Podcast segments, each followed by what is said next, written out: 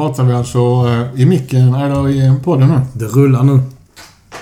Jag tryckte precis in en chokladbit, tyvärr. Det var du värd.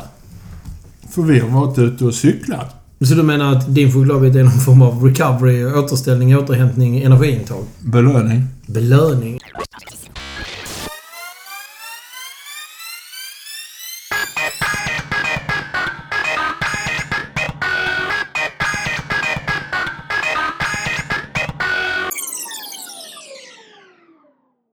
Idag ska vi prata om cykling på ett vis vi aldrig har skänkt en tanke åt. Eh, jaha. Kommer till det. Ja. Eh, vad ska vi mer prata om? Vad du har gjort sen sist vi spelade in. Ja, och så ska vi prata om... Eh, eh, jag har en spaning. Kul. Eh, som har med löpning och cykling att göra. Ja, en... Eh, jag har en real life story som har att göra med eh, reparation av min mountainbike. Ja, just det. Den är, det är en bra story. Och så ska vi... Idag är det ju lördag nu eftermiddag när vi sätter oss. Och svensk tid i natt avgörs ju Ironman Kona, det vill säga det som kallas för världsmästerskapet. Och Sverige möter Malta, men det kan vi skita i. Då tar du en sak som är intressant och en sak som är lite mindre intressant. Men jag ska tippa Ironman Kona i alla fall. Mm. Så kommer vi ge curse till dem som jag tippar för min del. Ja, vad bra. Nej, men då har vi, eh, vi, har, vi har ett körschema. Eh, Det vill jag påstå. Jag tycker att vi eh, kan väl bara presentera lite vad vi har gjort sen, sen sist. Kan inte du börja med ditt... Eh, den mem du hade? Mem. Vi ska, ja, vad heter det då? Ja, men det heter ju Mem, eller Memi. Eh, Memi. Heter det memmi eller mem? Jag är inte så Eh. hipp. Jag har inte ens Snapchat. Det heter nog Mem, gör det. Jag hittade en bild som vi lägger ut. Hippos can run faster than humans on land. And hippos can swim faster than humans in water. Which means in bicycle, bicycle is your only chance of beating a hippo in a triathlon. Det var jävligt Det roligt är tycker jag. Men de är inte så bra på att cykla. Nej, inte än i alla Men fall. frågan är hur fort de springer. Där finns ju utvecklingspotential där också. Ja, hur springer- fort de De springer inte 18 mil i 40 km i timmen i alla fall. Nej, det gör de inte. Nej, de springer förmodligen inte fyra heller. För att nu pratar vi om det här med eh, syreupptagning igen och djur kan ju inte eh, syresätta sig under fysisk aktivitet. För de är ju ytterst muskulära. Mm. Har jag hört. Så det är därför ett lejon till exempel kan springa väldigt snabbt och fast inte så långt. Och då är det ju neuromuskulärt och inte... Neuromuskulärt, det har ju med något annat att göra. Ja, men det är ju inte, det är ju inte kardiovaskulär förmåga de har egentligen. Ja, men alltså de, de, de tar inte in blod, eller um, Syre i syre i blodet. Så det blir liksom ing, det Så blir, du menar att lejon lider av, av eh, mjölksyra? de har ingen motor som människan har. Sjukt synd att jag inte visste detta för ett par veckor sedan. Jaså? För att du, Då var jag i närheten av lejon. Jag Så- kunde ju frågat dem. du kunde ju hoppat ner och börjat eh, Ja, ja. vara som Joakim alltid är lite provocerande. Ta fram, ta fram ett stetoskop och se hur det ligger till egentligen. Nej, vad jag försöker få sagt är att jag har varit i Afrika. Klappar dem på huvudet och frågar hur duktiga de är, eller berömmer hur duktiga de är. Hur fort kan du springa? Det kanske man får reda på, tänker jag. Han kanske, de kanske var hungriga. Nej, som sagt, jag har varit i Afrika. Det är, Det är en av de sjukt. sakerna jag har sysslat med sen senast vi satt ner. En sväng i Mosambik. Och en sväng i eh, Sydafrika. I Mosambik var jag i... Dels i Maputo, som är huvudstaden i, i Mosambik. Och sen var jag mitt i ingenstans. I Indiska oceanen. Det heter White Pearl Resort för den som vill veta. Är Resort jätte- låter väldigt lyxigt. det var precis så lyxigt. Eh, låg vi precis i Indiska oceanen, en nästan privat strand där. Så det var väldigt fint. Och sen var jag på något som hette Pinda Private Game Resort då. Men Du var inte där bara för att eh, sola och chilla? Nej, jag är där för att se lejon. Nej, du var inte där för att se lejon heller. Jo, det var en del av er belöning, men ni var där nere för att göra något bra också. Vi var där för att, ja men det var med jobbet som jag har vunnit en grej. Ja. Och eh, det kallas för framtidsbyggarresa på Hilti då. Eh, och eh, där... hur man vinner det är en lång historia, men det går att vinna. Och det, det står egentligen på tre ben. Det ena är en belöning. Det andra är att växa som människa. Lära sig att se nya saker. Det tredje är att göra nytta. Det vill säga bidra till det eh, välgörenhetsarbete som redan drivs genom en, en fond som Hilti har. Som heter Hilti Foundation, som skänker bort en miljard om året ungefär. Man kan säga att jag är också lite involverad. Nu är Ytterst. Det är egentligen det som är mest intressant att prata om kanske. Och det var att när vi var då i Sydafrika så var vi... Vi gjorde... Vi var på ett ställe i Mosambik som var en skola för... Ja, föräldralösa pojkar. Eh, och de bor och går på en skola då. Eh, Och deras standard är eh, inte platt-tv och kylskåp. Nej, det är det inte. Det, det bästa de hade på sin skola... De har en väldigt stor skola rent eh, kvadratmetermässigt. Eh, eller skolgård. Men eh, det var ju... Det är ju inte som här, utan lektionssalen var ju sovsal på natten. Ja. Eh, och sen hade de en fotbollsplan gjord av betong. Som var där, det var det bästa de hade. Mm. Och det var ju där vi hamnade när vi var där med dem. Så det blev match eh, mellan Hilti och skolan då. Eh, båda lagen var övertygade om att de vann, tror jag. Det var ingen som räknade resultat precis. De var rätt så glada. Ja, men vi, de var jätteglada. Vi hade ju med oss eh, bland annat fotbollare från Puma då. Ehm, som vi spelade med där. De var sjukt glada. Det var jätteroligt att spela fotboll med dem. Det skördade sina offer på vår sida om eh, matchen. Min hälsena är fortfarande inte bra igen och vår eh, VD som var med och spelade också, Anders, han haltade betänkligt ett par dagar efter den här betongfotbollsmatchen. Är ni så jävla otränade? Nej, men vi är så mycket tävlingsmänniskor kan man säga. Men det var ett gäng pojkar ni, ni mötte. Ja, men de var mellan 6 och 13 år. Small det? Eh, nej, nej. Nej, mina kollegor kommer hävda att jag tryckte till någon, men det gjorde jag inte. Det, det har de inte sett någon trycka till. Nej, det var eh, kamratligt och jättebra. Fantastiskt kul att vara där och alla hos oss spelade inte fotboll. Alla pojkarna spelade inte heller fotboll utan de gjorde annat också. Men eh, framförallt är det då så också att vi har bidragit till den här skolan. Sen när vi var i eh, Sydafrika så var vi på något som heter Samani. Och det beror egentligen på en fantastisk organisation som vi eh, bodde hos, eller vad man ska säga. De, de driver hotellet vi var på, eller hela den här parken vi var i. Som heter And Beyond.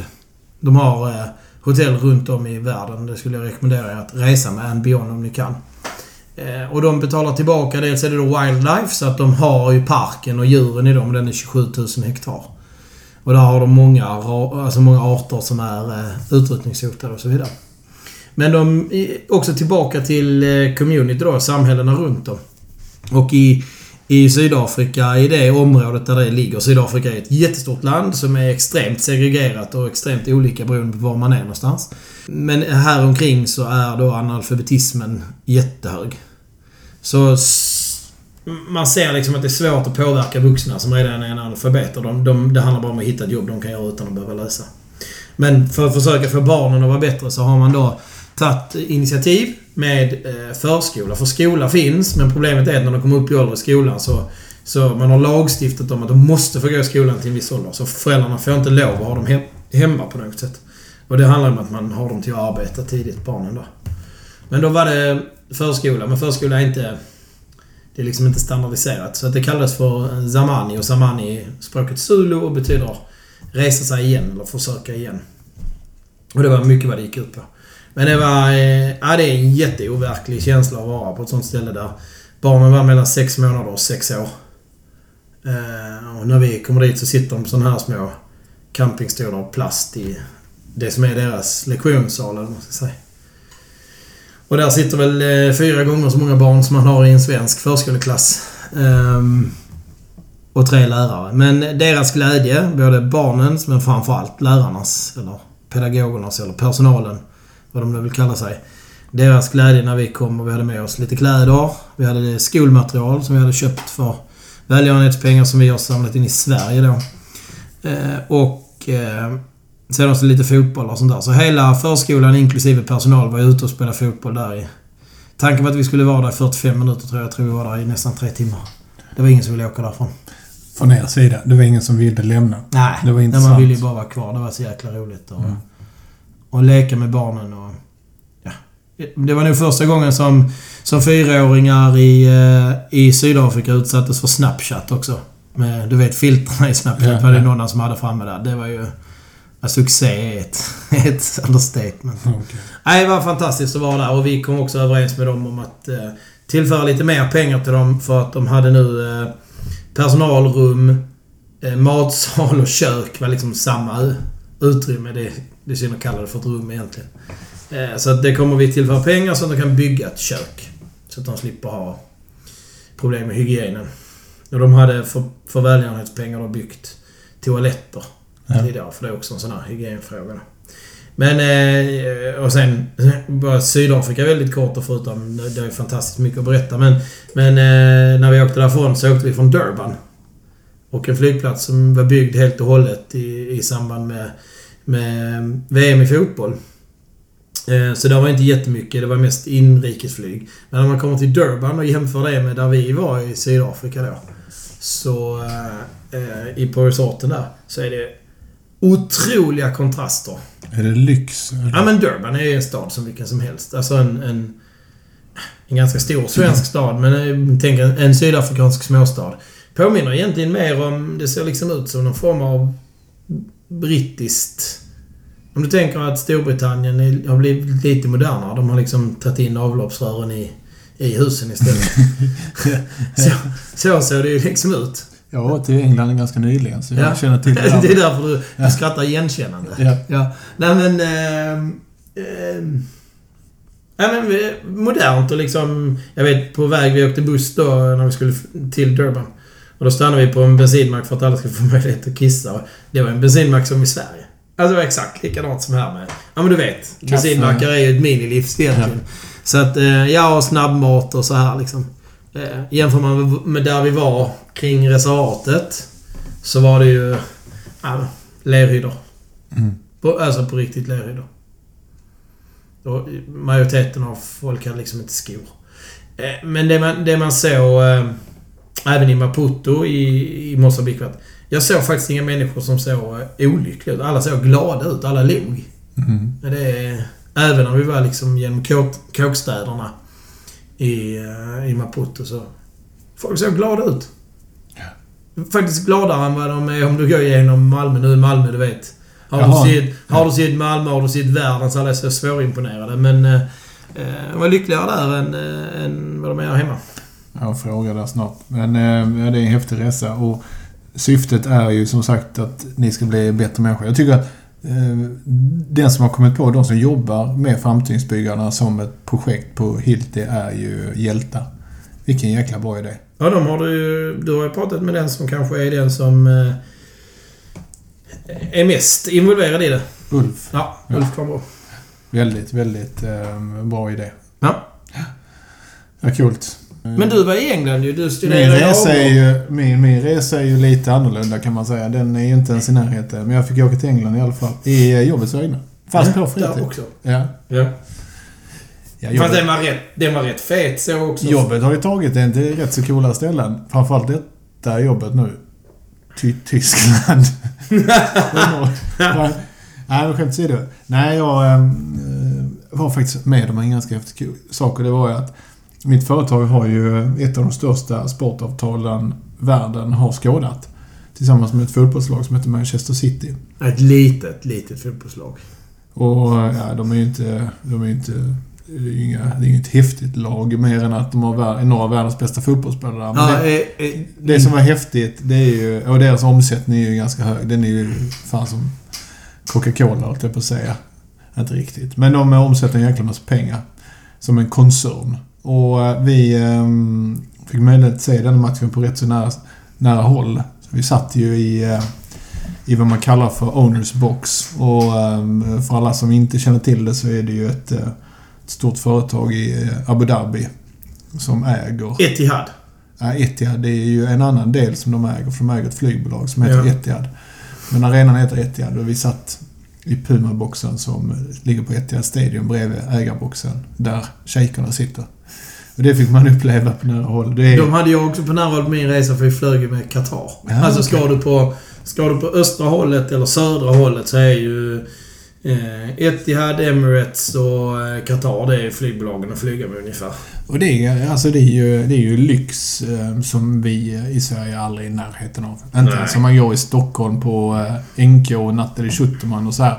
Så är servicen ens i närheten av vad minimikravet är på de här Nej. ställena som vi Nej. var. Nej. Så eh, det, det är som... Är man, är man eh, normalt uppfostrad, eh, man plockar undan efter sig och man tackar för maten och så här. Så eh, är det ingenting som krävs när man är i de här sammanhangen. Nej, de blir nästan förvånade. Ja. Ja. Eller eh, förväntas, inte krävs utan Men det- förväntas. Det, var, alltså det är också sånt som man... Ja, men jag är tacksamheten över att vara uppväxt där man är. Med de förutsättningar man är i stor. När vi var där på den här förskolan i Sydafrika, kommer tillbaka till det. Alla barn hade tagit av sig skorna. Och de stod preussiskt uppställda utanför ingången till den här förskolan då. Eh, Så när vi kom dit och skulle gå in så tog vi också av oss skorna. Och då var det någon som var på oss att vi kommer ju dit som frälsarna för att vi har skänkt pengar. Vilket jag tycker det känns jävligt märkligt för mig. Men vi tog också av oss skorna och ställde dem likadant med dem på så att vi inte behövde det. Men jag är glad att jag har känt... Att min känsla är att om barnen gör det, då gör jag det också. Banne mig. Ja, det ligger i vårt... Eh, det ligger i vår uppfostran. Att ta sig den, dit den kommer lite. Ja, absolut. Det är ja. viktigt. Ja, ja. Och absolut inte, framförallt, inte sänka det. Nej, nej. För Nej. fan. Aldrig någonsin. Inte vara för mer än andra. Men eh, tillbaka till Etihad Stadium. Nej, vi kan väl släppa det. Det stod 5-0 efter 17 minuter. till, till Manchester City. Och Det en, var eh, ingen spännande match. och en eh, rolig sak som hände det var att när det står 6-0 så åker eh, bollen upp på läktaren till eh, Watford som Manchester City mötte. Och deras klack, eh, där, där är en på övre taket som kastar ner bollen. Men, eh, men eh, bollen kommer tillbaka i folkhavet. Och då är det en annan Watford-supporter som kastar upp den igen för de vill inte att bollen ska tillbaka i spel. och sen så gick det så här, de höll säkert på i 20 sekunder. Det var skitroligt att se. Bollen åkte upp och ner, upp och ner. Tills bollkallet tar och rullar in ny boll. en annan boll bara. Nej, så det var jävligt kul var det faktiskt. Så du menar att den matchen kostar Puma en boll? Nej, det är inte Puma som har avtalet med ligan. Ah. Vem är det? Det är ett annat företag. Jag har uppfattat. Ja. Hur fan kan de spela med andra bollar? Det borde vara förbjudet. Ja, det går med andra bollar också. Ja. Det kan vi skita i. Nej, så att... Eh, Det var nog förresten därför jag spelade med en Puma-boll och fick ont i min hälsena. Ja, det var eh, för att det är betong i våra bollar. Ja, och på marken som jag spelade också. Exakt. Nej, så det har ju varit lite le- reseupplevelser för båda, båda två. Och ja, ja. Och sen har det varit massa annat också. Jag passade på att ta höstens första förkylning också. Ja, samma här. Mm. Hela familjen har haft en nu. Ja, ja, det var samma här. Vi hade fyra stycken som förstörde varandras nätter med att hosta. alltså det är så sjukt misär. Det, det är så roligt för att... Eh, jag, jag lyssnade på eh, han Mikael, Dr. Mikael, som är på TV4. De har ett program där hon Petra Mede är någon Ja, ja, moderat- helt sjukt eller helt vad det sjukt. heter. Ja. Och han berättade att förkylningar kan man inte... ehm, det, det, det finns ingen botemedel för det. Utan det är givetvis som alltid... Jo, det är högt immunförsvar och aldrig få dem i sådana fall. Um, tvätta sig med händerna hela tiden, hålla hygien liksom. Men eh, han sa det att eh, när det är kallt ute så färdas... Nej, förlåt. Nu ska vi se här. När det är varmt ute så färdas en nysning två meter. Men när det är kallt ute så färdas en nysning 50 meter. Oj! Ja, det var en jävla skillnad. Så det är en sån kraft i att um, bakterierna flyger genom luften om det är varmt eller kallt. Så global uppvärmning är lösningen på förkylning? Kanske. Eh, och eh, sen så eh, sa han det också ja, att eh, ja, peta i näsan och sånt här skit, det, det ska man ju inte hålla på med. Bita naglar, peta i näsan, då blir du aldrig sjuk. Mer eller mindre. Om du inte... Vad sa Om du inte petar näsan och Ja. biter på naglarna Ja, så blir du aldrig sjuk. nej. Men om jag petar mig i näsan, du och jag tar varandra i hand och du kliar Det är dig. därför jag vägrar ta folk i hand. Det har inga religiösa skäl. Jag vägrar bara folk ta folk, folk i Nej, det finns lätta sätt att hålla sig frisk i alla fall. Det, men det, det, framförallt är det ju ett immunförsvars, en immunförsvarsbit. För jag, jag lyssnade på eh, eh, podcasten Maraton på den med Peter Månström. Där hon Ja. träffade Jörgen Brink. Eh, Och då kom frågan upp om han också hade isolerat sig så som Johan Olsson ju Mm. bekant gjorde då när han...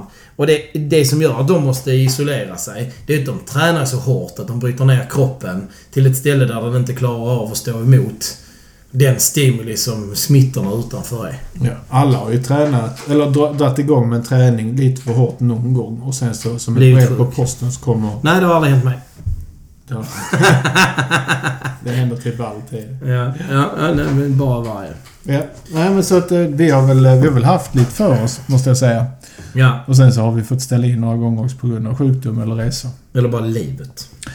Men det har varit en eh, rätt okej höst faktiskt hittills. För att det är lite tidigt att sitta och säga att det har varit en bra höst. Det har varit en bra förhöst.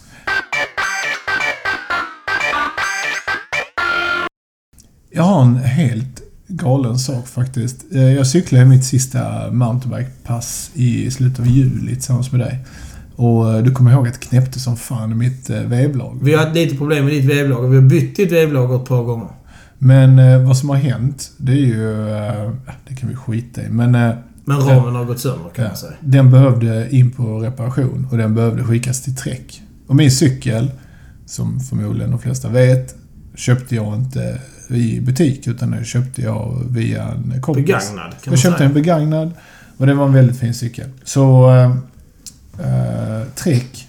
Det här är... Det, det, det är faktiskt en liten irritation som växer i mig. Trek är ett av få varumärken som... Eh, de, de lämnar livstidsgaranti på ramen Till den som kör. till den som köper cykeln första gången. Och sen så går den garantin om intet. Men BMC gjorde precis tvärtom. Där, Ja, där, fast- där följer Jag, garantin ramen och cykeln oavsett vem som äger det här den. gjorde vi ett avsnitt om. Ja, vi har gjort det när vi visade. Men, det, var, ganska många märken vill jag säga. Vi ska inte hänga ut Trek här som de enda. För det var ganska många märken som hade livstidsgaranti till första köparen.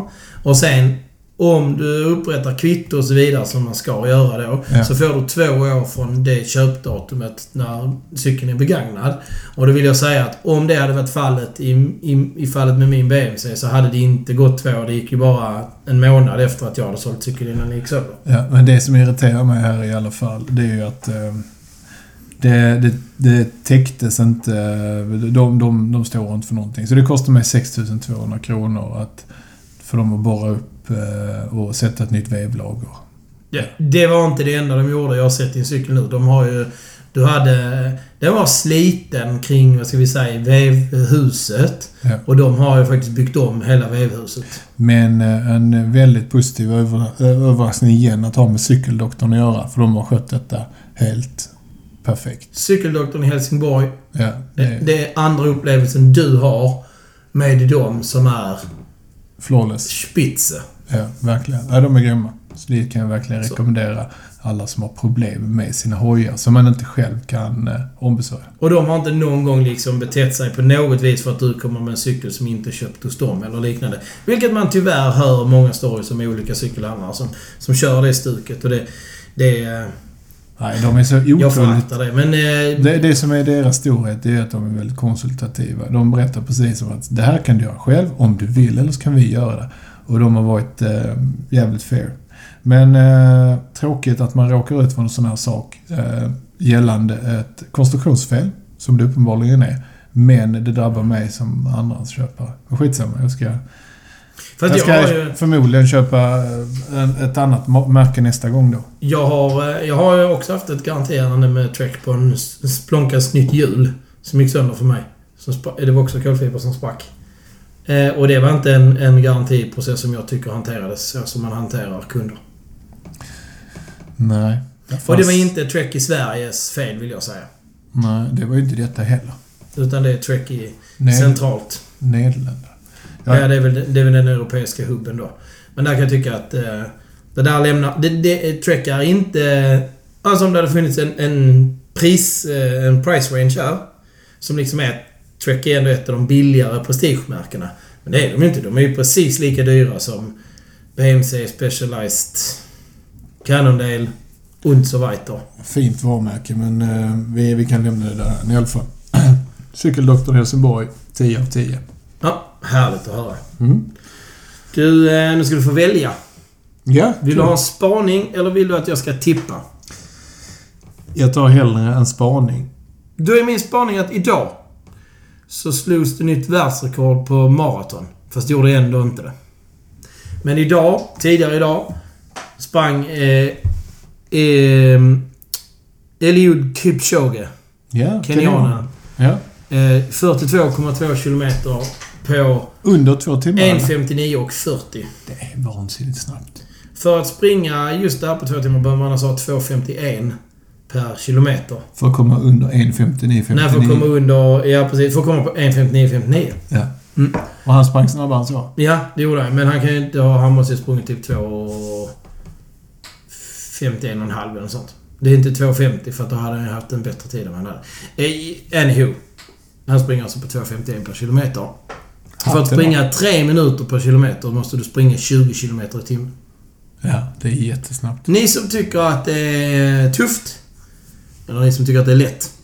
Åk till gymmet, se om ert löpband går och drar upp i 20 km i timmen. Och sen springer ni där. Se hur länge ni klarar. Ja, ja det, är, det är ju, det blir ju dåligt. Det skulle man ju nästan vilja se. Där finns säkert lite... Ja, det, är fritt, det är fritt utrymme att skicka filmer till oss när ni provar springa 20 km timmen på löpband.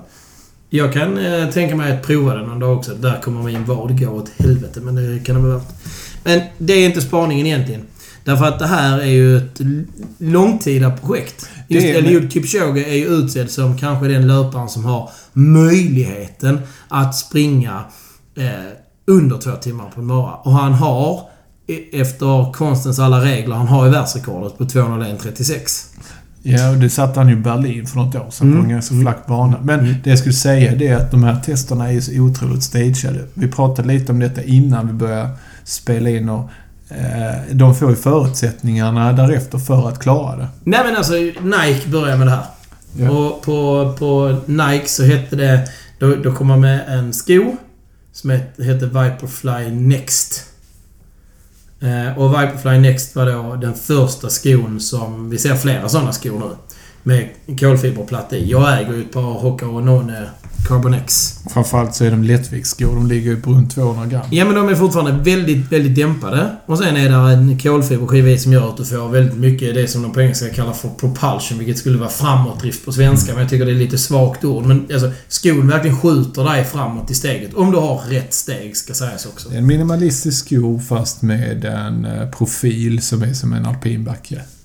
Ja, och så är den ju... Den är minimalistisk i allt utom dämpningen. För det, det är ju mer more is more. Ja, Det är ju framförallt det här med kolfiberplattan som är det intressanta och det har man ju lagt in bara för att stabilisera skon. Ja, och få fram och framåtdrift. precis. Och Men- det har funnits i skor i eh, alla tider. Det börjar ju Adidas med när de byggde sin Torsion. Torsion. Så eh, alltså, den, den där mellanbryggan är utbytt mot en, en, en kolfiber... Vad ska man Skiva. säga? Ja, men det är ingen vanlig skiva utan det, Nej. det är ju ett löv. Ja. Ja. ja, ja, och tar du som mina... Eh, jag har inte... De här skorna är sjuka, men eh, mina Hocka, de, det går ju inte att böja... Alltså du vet, som man normalt sett kan jag ta tårna och böja upp dem liksom. Det går inte. Det, det är stenhårt. Mm. Men när du springer i dem... Alltså... mm, Jäklar. Eh, Jag har inte provat Nike-skon och om någon vill skänka mig 3000 kronor så att jag kan köpa ett par så går det alldeles utmärkt. Men jag har själv 3000 spänn för ett par skor. Nu ska jag säga så att det är inte de som heter Vaporfly Next som eh, han sprang idag utan det är Vaporfly Next 4%. Säkert. Ja men det är en ny modell som de har tagit vidare. För Nike jobbar med detta i fem år. Med tre olika löpare och då valde man till slut Eliud Kipchoge. Eh, som skulle eh, vara den som hade möjligheter liksom. Men man misslyckades. Då sprang man ju för... Eh, jag vet inte hur länge sedan det var nu. Men för, för ett tag sedan. Så sprang man detta på Monza. Och detta här eh, försöket, det genomfördes i Wien Nu i, idag ja. idag ja. Ja. Och berätta varför var det stageat till Nej, för Österrike och Wien? och det, nu kommer liksom spaningen. För de som... De misslyckades ju Nike. Då på Monza. Då blev det ju två timmar och 40... Nej, 24 sekunder. 25 sekunder. Så han missade med 25 sekunder då. Då körde man på racingbanan Monza. Den valde man för att där är inga skarpa kurvor. Och du tappar jättemycket fart och det tar jättemycket energi att ha en skarp kurva. Eh, det är... Eh, och den är också helt platt. Så att det är inga stigningar. Och på Monza körde man med en Tesla-bil. Och en jättestor tavla med klocka framför eh, Eliud och hans kompisar. För det är också en grej. De springer i klunga. Och det gör man för att Eliud dels ska ha en, eh, en lättare väg, men också att han ska få mindre luftmotstånd. Så det, det, man kan säga att man fuskar, men det är liksom ett stageat fusk. Eh, det fanns kritik mot eh, projektet med Nike, att Teslan och den stora eh, skärmen, att det liksom skulle vara det som gjorde det, inte löparna. Så att om man, om man hade tagit bort bilen hade det gått sämre. Men det visar sig i forskning och så här eh, eh, dataprojicerad aerodynamik att bilen hade ingen effekt utan det var de andra löparna. Men det blir inget världsrekord av det här idag. Därför att IAAF, alltså Internationella friidrottsförbundet, de kräver att den som är hare åt den som gör det här startar samtidigt som den som gör själva försöket och då springer i mål på 42 km och 200 meter. Och det gör inte hans hare därför att han hade så många och de bytte på vägen. Nu eh, visar det sig att eh, han har ju sju stycken harar. I det här At loppet. any given time, ja. Ja. Men de är kanske 21 totalt. För att de byter harar efterhand. De har till och med varit så noggranna. För nu är det... Nu kommer det i spaningen här. Ineos tar över efter Nike när Nike misslyckas. Ja. Och vad är Ineos, tänker ni? Jo, det är de som har tagit över efter Sky Racing. I cykelsvängen. Det är förmodligen ett gäng som skulle gärna, lika gärna kunna jobba för NASA. Ja, ja. Eh, Ja. Alltså rymdforskarföretaget NASA. Men om man bara tar liksom, här finns en storyline här som är ganska tydlig. Och det är den att Sky Cycling började tillsammans med då Dave Brailsford, Sir Dave Brailsford. Som är pappan till Marginal Gains. Det vill säga, det Sky Cycling har sysslat med sen Bradley Wiggins vann, eh, eh, vann touren. Mm. Eh, och det är ju att de har eh, eh, hela tiden hanterat allting med yttersta precision. Allting, varenda förutsättning ska vara en liten förbättring. Och det är precis så här man jobbar med... Har han med det. handplockade? Det var... Ja, i Bröderna Bröderna Ing- Ingebrigtsen. Ja. Och som de... Jag såg det, de körde en live-feed på YouTube jag såg i morse. Alltså... Som de springer i 2.51 per kilometer. Det, alltså det ser ut som de är ute och söndagsjoggar. ja. Och det går i 2.51. Jag ser det i, eh, vad heter det, i omgivningen. Att allting bara susar Ja, för det går så sjukt fort. Och sen har de då den här bilen som kör framför dem som med laser projicerar var de behöver vara för att hålla 2.51. Ja. Så att de har all hjälp i världen. Man väljer vin därför att man har visat sig att när man ska springa maraton så är värmen som man producerar i samband med det en, eh, ett problem. Och man behöver göra sig av med den. Och det visar sig att den optimala omgivande temperaturen för att göra sig av med värme är 5 till 10 plusgrader. Det problemet de hade i, eh, i, eh, på Monza, det var att det var lite för varmt. Det var 13 grader tror jag. Och det är för varmt för då, då blir eh, din egen upphettning ett, ett problem. Så förstår du hur små marginaler vi pratar om? Plus att det var en, eh, en fartökningssträcka i Wien med mycket kastanjträd. Ja, men de hade en, en lång sträcka som de sprang längs med. Och den var omgiven, det är en allé, med kastanjeträd. Och de träden är då stora och täta, vilket gör att det blir nästan som att springa inomhus. Det blir, det blir väldigt stilla, ingen vind. Precis. Och då förstår vi liksom hur Imeos har lagt ner tid, pengar, energi på att skapa de bästa förutsättningarna. Och sen så har de då den här Eliud Kipchoge som världens snabbaste för tillfället. Han är världens bästa maratonlöpare även utan detta, ska sägas. Och ma- man ger honom eh, helt sjuka förutsättningar. Ja. Och, och Imeos, jag läser här att de är med, alltså de, de jobbar ju inte bara med förutsättningar för att springa fort eller cykla fort. Utan, Nej, Ineos från början är ett, ett oljeföretag. Ja, precis. Ja. Men de har ju... Det är så här. Förmodligen är det Ineos har gått väldigt, väldigt bra. Eh, ex- extremt mycket pengar. Och nu finns det någon form av ledning som är väldigt intresserad av att profilera sig med något annat. Och lägger enormt mycket pengar på, på idrott. Som då ett cykellag som är fortfarande... Team Ineos är fortfarande det gamla Sky och många av de som cyklar, jag hörde bland annat att eh, i livesändning idag så intervjuades Chris Froome. Eh, som ju är en cyklist som har dragit nytta av marginal gains och kanske lite astmamedicin också. Ja, kanske. De, det kanske den här Ineos också. Eller förlåt, vad heter han? Um, Eliud också har gjort. Ja, Eliud, det är... Jag såg någon dokumentär om honom. Han är kenyan. Och när man då precis har varit i på afrikanska savannen och ser när han springer sina löppass där. Respekt. Jag, pratar ju, jag jobbar ju med Wilson Kipketer. Han är ju för detta kenyan. min, min kollega inom running. Och eh, de jobbar ju med takt. Det är bara takt när Ja. de springer. De springer ju inte på något annat Nej, det sätt. finns är inte takt. puls eller power eller något sånt skit. De, visste, de hade en tränare som visste exakt hur många steg de tog per 400 meter. De hade ju en, eh, en eh, jordpreppad bana som de sprang Ja. nere i Kenya på ett av de stora universiteten. Kommer inte ihåg vad, de, vad det heter nu. Men där de bara springer med steg. Fotnedsättning. Hur många fotnedsättningar Ja, ja, kan man ja. göra på 400 meter? Ja. Av frekvens. Och med den här frekvensen skapar det ju speed. Ja. Så ju färre steg man kan ta på 400 meter, desto mer eh, fart får man då givetvis. Ja, och det var så de utvecklades som löpare. Alltså om man tittar på... Det var någon... Eh, något... Eh, det är så kul att se för de springer här så springer fem löpare i en särskild formation, en pilformation, som man har testat i lufttunnel. Eller aerodynamiskt då. Det är den bästa formationen för att skapa bästa förutsättningar för Eliud som då ligger bakom dig. Men så springer då bröderna Ingebrigtsen som springer... Ja, de springer äckligt vackert skulle jag säga, rent rörelseekonomiskt. Och när man då, när kameran sen panorerar bak till Eliud så bara... Vilka är de två eh, toffelhjältarna längst fram som springer som om de hade ätit pannkakor? Alltså han springer så... Den flown han har i sitt löpsteg. Oh, Jesus Christ säger jag bara. Men Nike är inte ute helt utlottade ur detta för de eh, sponsrar med kläderna. Och släppte en ny version av den här eh, Vapor Next 4% i rosa just den här dagen till ära.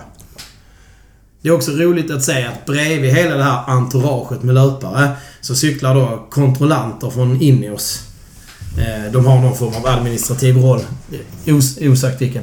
De har alltså Pinore- Pinarello-cyklar.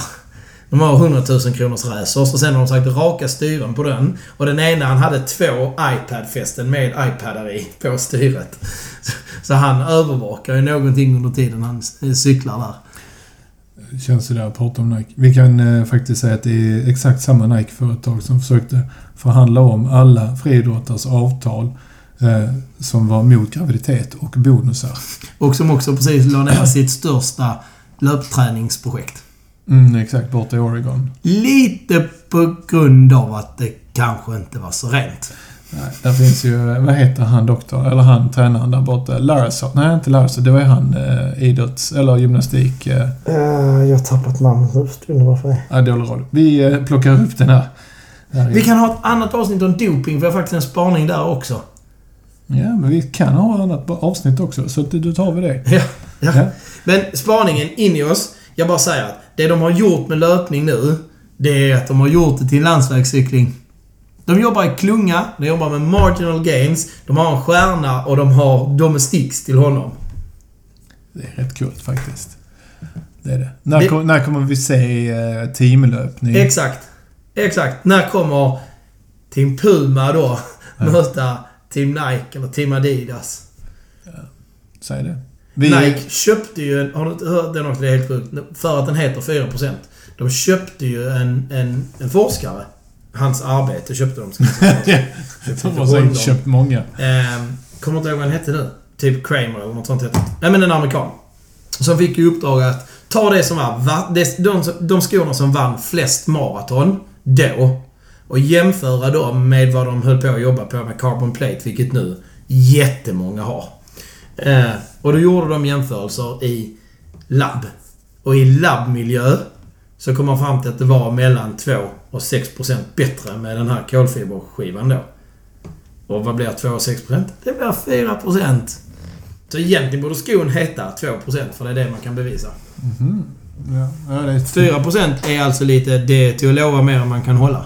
Vi delar en äh, jättefin artikel som jag suttit och läst nu medan du har hållit monolog. ifrån eh, New York Times. Eh, Eliud Kipchoge breaks two hour marathon barrier.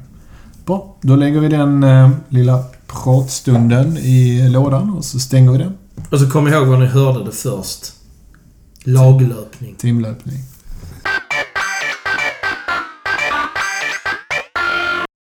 Det är lite silly season i cykling nu. För nu är det ju off-säsong och innan säsongen börjar ska alla skriva nya kontrakt. Och varje gång det är off och det kommer till säsong igen i cykling så het, ett lag försvinner ju och heter något annat. Såklart, ja. Ja, som nu senast var det Israel Academy som har varit ett så här inte de bästa lagen utan precis under. De har ju köpt Katushas World Tour-licens. Så Israel Academy Heter- kommer att ha ett World Tour-lag. Katusha blir kvar som, jag tror, typ eh, klädsponsor. Jaha. Men... eh, Mm. Bra det. Ser spännande. Snart ser vi landsvägscyklarna i de här stora loppen med ABS-bromsar.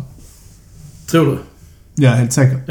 För vi pratade om det innan och du sa att... Eh, Crescent, Crescent! Crescent har börjat leverera elcyklar med ABS. Ja, och då säger jag att det är elcyklar för att du måste ju strömsätta ABSen. Exakt. Och då sitter den här eh, lilla skulle i överröret. Tänk att du skulle kunna ha batteriet som går till växlarna till ABSen. Mm, det verkar faktiskt vara För jag menar så. att få, in, att få in skivbromsar i proffsklungan har ju gått skitfort. Ja, precis. Något... Det är som golfen, att de... eller tennisen kan vi ta. De är fortfarande där. De här klädkoderna är så otroligt viktiga. Att Ja. Har man inte klädkoden så får du inte spela oavsett om du är världens bästa. Nej, jag tycker jag är rätt. Man kan fan inte se ut hur som helst. Nej, det är fan rätt. Nej, håll på det. Och inga kvinnor i några jävla klubbhus heller. Nu ska vi gå vidare. Jag har en eh, annan. Du, jo, du förresten. Du, du hade en spaning och den var jävligt bra. Riktigt bra Joakim. Du, du, hörde att jag var jävlig, att jag brann mycket för den. Ja, verkligen. Jag tyckte att det var bra. Det, det är någonting som jag gärna diskuterar mer. Ja, Eller- och den väcker, den tillbaka. väcker dessutom det här med när blir saker och ting fusk? För EAAF tycker ju att Eliud har fuskat. Nej, såklart. Han behöver ju springa ett lopp liksom, som är sanktionerat. Å andra sidan, han har sprungit ett lopp som är sanktionerat. På 2.01.36. Och han vann. Prova springa ifatt honom. Ja. Men där är nog de som höll hans fart i 39 kilometer. Sen har han växlat till. Fast då, då ter sig löpning på ett helt annat sätt. När du springer ett eh, Berlin Marathon till exempel. Eller ett New York Marathon. Fast Ineos hade en jävligt fräck grej med detta. Det har det har hetat Ineos 159. Mm. Eh, och de hade en hashtag som jag gillar. Men vi är tillbaka här nu alltså. Ja, men Du tog ju tillbaka det. Men de hade en hashtag som jag gillar, sen stängde vi det, jag lovar. No human is limited. Mm, det är snyggt. Vackert. Bra. Ja. You can be what you want to be. Ja, för, för det är lite så här. Går det att springa en mara på två timmar? Eller under två timmar? Ja, det gör det. Men du behöver någon annan som springer framför dig. Mm. När kan människor börja flyga? Kommer att hända. När någon kastar dem tillräckligt långt. Om man blir kastad tillräckligt långt, är det att anse som att flyga? Mm, Nu kör vi... eh, vad du... Vill du stänga den här nu? Ja, nu. Vi stänger den här. Ska vi gå till tippningen av det... Den bästa idrottsevenemanget, det är det inte, men... Ett av de fetaste idrottsevenemangen, årligen återkommande. Ja, du tycker det. Men det är ju för att där är många partyn som leder upp till det här. Ja, oh ja. Alltså, jag kan ju inte bara åka över till Hawaii som det vi ska prata om nu. Det kan du. Om du har en VIP-biljett eller ett wildcard eller... Nej, Joakim. Det kan jag inte. Jag kan inte sätta mig på flyget med... Om jag har obegränsade resurser, bara liksom säga jag vill vara med. Får jag vara med? Då hade de inte släppt in mig där. inte Mikael Frölich. Nej, men det, var det är ju mig jag pratar om ju. Ja, ja. Ja. Men... Ja. Kipchoge hade ju fått ett wildcard. Det hade han kanske. Han Hade kanske inte kan cykla och simma, men... Och då är det ett problem. Bruce Springsteen fått det? Vet du vem som har kört Ironman Kona? Om vi pratar kändisar. Ja, det det finns jättemånga. Men eh, den som, som jag vill ta upp. Daniel Adams-Ray. Exempelvis, jag har en större kändis än Daniel Adams-Ray. Han är bra, han är en grym triatlet. Jag tror han har kvalat. Så att, och det tror jag den har gjort också Han nog under 10 timmar också, Daniel Adams. Ja, det är ett krav. Han var det på Kona. Ja, Vilket är asfast. en annan känd. Är det musiker? Nej. Nej. Är det en eh, skådespelare? Nej. En fotbollsspelare? Nej. Nej. Då kan du nog berätta. Det är en kock. Gordon Ramsay. Ja, men det läste jag ju. Ja, men det visste jag ju om. Mm. Jag trodde att det bara var en PR-grej, att han skulle göra det. Men han har gjort det. Han har gjort eh, Kona. Och nu är ju Kanan, eh, Indycar-föraren. Han är en av de... Alltså han är vass. Han är också där. Så det är jättekändistätt som tusan. Är två stycken. Och Daniel Adams-Ray förra året. Okej, men kolla igenom startlistan. Kanske ska göra det. Men du, proffsstartfältet är det vi ska prata om nu. Ja, Så vi börjar med damerna, kan vi göra. för det är minst spännande. Daniela Ryff vinner. För femte året i rad. Kommer hon Okej. vinna. Hon är untouchable. Tvåa, Lucy Charles Barkley. Brittiskan som ju är för detta simmare. Som jag tror kommer närmare Daniela denna gång, men hon får nöja sig med andra plats. Hon blev tvåa i fjol också. Och eh, sen kommer den schweizisk-brittiska Imogen Simmons att bli trea, säger jag. Väldigt fint namn. Imogen. Mm. Mycket fint. Hon eh, har haft en säsong som inte går att sätta henne på annat än tredje plats här. Eh, det är mitt tippande och när detta kommer ut så kan ni alla direkt syna mig i skarvarna för att då har det ju gått. Mm. De är i mål någonstans klockan tre i natt. Och när kan man börja titta på det då? 16.40 eller något sånt svensk tid börjar eh, live-feeden. Det kan jag säga att det var för 10 minuter sedan. Ja, det ser du. Men de startar inte förrän klockan sju, tror jag. Och svenska deltagare som faktiskt kan göra ehm, bra resultat Damernas idag. pratar vi nu. Ja. Eller, ja. nej, den är bred. Faktiskt för herrarna också. Mm, men om du tar damerna först, för det var den prispallen jag precis förutspådde. Mm. Shoot. Ja, men har du någon svenska? Nej.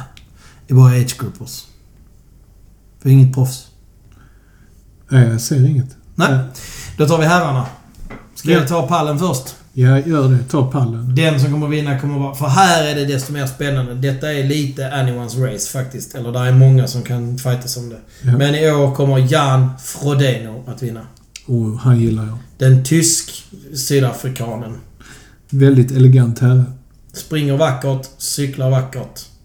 På Canyon. Ja, jag såg att det fanns en fin eh, eh, intervju. Där, där finns en presskonferens med honom. Han håller sig lågmäld. Här så pratar han där goa engelskan. Du vet, sydafrikansk engelska. Han har ju varit Sunto-atlet ganska länge. Tvåa kommer att bli Patrik Lange. Tysken som vann i fjol. Tycker inte han ser lika glödhet ut i år. Också Canyon. Just precis. Och sen kommer jag att på tredje plats låta mitt dåliga omdöme, eller jag kommer sänka mitt omdöme genom att låta min vilja påverka mig och säga Patrik Nilsson. Ja, måtte... La Suède! Det hade varit så häftigt att ha honom på topp tre. Det hade varit häftigt att se honom på toppen. Han har alltså haft den snabbaste Ironman-tiden någonsin ett tag innan han fick stryk tyvärr. Ehm, I Sverige. nej, han var snabbast i världen. Med sitt, eh, jag tror Köpenhamn när han gjorde 7.49. Ja. Patrik Nilsson i alla fall, från Sverige fast boende i Danmark då. Köpenhamn. Eh, En vän till podden. exakt. Eh, snackade faktiskt några ord med honom när jag var och tittade på... Eh, Köpenhamn? nej, Helsingör 70.3. Ja, ja. Ja. Eh, där gjorde han... Eh, där sa han själv att eh, han inte var på plats efter en... Eh, nej men det var anyone's race där. Han hade kunnat bli allt mellan tvåa och sjua. Precis som på Kona. Vad, vad tror du om en sån som uh, Alistair Brownlee som har varit med länge? Ja, Alltså, Alistair Brownlee är, eh, om för sättet att, eh, att konsumera triathlon, proffstriathlon, är oftast genom typ YouTube-kanaler och liknande. Och de är ofta brittiska. Och de älskar ju sina Brownlee Brothers liksom. Eh, Jag är inte lika imponerad av Alistair Brownlee. Eh, Han är, eh, kommer från olympisk distans. Jag tror inte han håller. Alltså, han är snabb, men han håller inte en hel Ironman. Nej. Så jag har inte med honom i... För jag har ett par wildcard som jag skulle kunna stoppa in på vilken av de tre platserna som helst egentligen. Det är en kille som heter Bart Aeronauts. Arnaut. Mm, belgare. Mhm. Ja, han är lite under radarn. Han kan... Han kan vinna. Han är sida som nummer två. Ja. ja, men det handlar ju om hur, eh, hur säsongen har varit. Och grejen är att det är en konstig säsong våra triatleter har. För de flesta eventsen ligger ju ändå koncentrerat kring en sommar i Europa. Mm. När det är hyfsat behagligt väder. Sen tävlar de över hela världen, ska sägas. Men nu är det rätt långt in i oktober. Så de som har gjort kanske smartast är de som har kvalat tidigt. Patrik Lange exempelvis. Kvalad till Kona tidigt. Försvinner från radarn. Tävlar inte speciellt mycket för tävlingarna sliter extremt mycket. Eh, jag vet man hade en diskussion på Babbitt som är eh, triathlonlegend som kör Breakfast with Bob under hela Kona-veckan här. Eh, han pratar om en eh, halv Ironman där det blir fett race mellan... Jag tror det var... Ja, men det var bland annat Javier Gomez i alla fall. Den gamla geten. Ja, där Javier Gomez fick en hel säsong förstörd av att han inte vek ner sig på löpningen på en halv Ironman. Alltså ett race förstörde en hel säsong för dem nästan. Det är häftigt. Sen har vi ju David McNavy. Ja, David McNamee är också ett wildcard. Men alltså, ovanför de du nämner som är bra wildcard, så är bara Sebastian Kienle. Som är lite svag på simningen, men som är ett motherfucking powerhouse på cykeln. För er som inte kan eh, engelska så är det alltså... eh, Han är ett kraftverk. Men han är ganska stor för att vara triatlet, så att han kommer kanske ha lite tufft på löpningen. Sebastian är inte topp 60 Nej. på resultat i år. Nej. Men det betyder bara att han inte har tävlat så mycket. Hur mycket pengar ger du tillbaka där? Hur många... Vad är oddsen för att han skulle vara topp tre? Ska vi sätta en hundring? Ja, kolla, Nej, kolla på någon sån betting på det. Det var fräckt. Eh, Jag har två eh, såna riktiga farliga rackare som kan ligga i vassen och tjonga förbi. Som inte är Patrik Nilsson då. Ja. Cameron Worth. Mm. Killen som har cykelrekordet på Kona. Och det ska säga så här. Det var rekordslakt i fjol. Det var för att det var väldigt, väldigt bra förutsättningar. Det blåste inte för en gångs skull. Nej, precis. Det kommer inte vara så bra förutsättningar någonsin igen. Ska aldrig säga aldrig. Nej. Nej, men... Eh, man ska aldrig säga aldrig, men det är osannolikt att de någonsin får lika fina förutsättningar igen. Men en, eh, en sista som jag vill lyfta här för att eh, eh, trycka till eh, och se om han kan göra det. Han har misslyckats tidigare, men Lionel Sanders. Kanadiken. Är det, är, är det profiler, de här eh, atleterna? Oh ja. Det är det? Oh ja. Och det här är ju deras prime time. Detta är ju Champions League-finalen. Detta är liksom... Detta är OS för långdistansträffar. Tänk om, eh, vi säger SVT hade skapat ett format på söndagar likt det man har gjort med Vinterstudion. De har ju varit en föregångare i hela Europa. Ja. Det finns ju länder som har tagit efter där. Och Ja. det är ju, i Sverige... Hur bra är I Vinterstudion? Sverige så har ju inte TV4 exempelvis, som har försökt nu med sitt alternativ. Ja. De har ju inte lyckats eh, ta upp konkurrensen. Så att... Eh, tänk om man hade haft en, eh, en vår-sommarvariant då, där man eh, täcker av exempelvis triathlon. Triathlon är en fantastiskt bra TV-sport. Ja, det är det. Det är, det, är, det är en, en av de sporterna, jag ska säga, nu är det mitt intresse och så vidare, tillsammans med typ motorsport och friidrott, som är hopplöst att titta på live. Jag skulle ju älska att se, som, Cykel också för den delen. som eh, fotboll och handbollsnörd så skulle jag ju faktiskt kunna tänka mig att sitta ner och kolla på triathlon och sen så de här mountainbike-loppen då. Ehm, vad heter Ja, det? som Red Bull kör nu i världscupen. Ja, exakt. Som ligger på Red Bull TV. Men tänk om det hade kunnat finnas ett format där man hade fyra timmars sändning på söndagar under en, en period på året. Eh, Där man följer eh, Red Bull-racen eller de här i... Du menar ett rent studieprogram som kör reportage sen då, så det är inte livesport liksom? Eller? Ja, för om du menar att där är eh, profiler i det här gänget nu som vi sitter och rabblar upp namnen på. Eh, fan vad häftigt det hade varit att he- och, följt de här.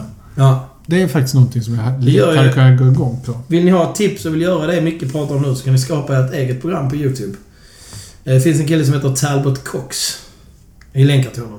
Han eh, gör eh, snyggt filmmaterial och intervjuer. Jag såg bland annat att han träffade Keep Smiling danskan Michelle Westerby som eh, har en fyra månaders baby så hon är inte med och racear. Hon har kört en Ironman sen hon blev mamma, vilket är helt overkligt att man med en tre månaders baby kör ett Ironman. Eh, men eh, eh, hon var med i en intervju där nu och pratade lite om det och att hon är i, i Kona för att... Ja men är du triatlet på långdistans så är det Kona som gäller. Ja. Jag tror problemet med att göra en sån grej, det är att eh, racen ägs av Ironman. Och Ironman är ett privat företag.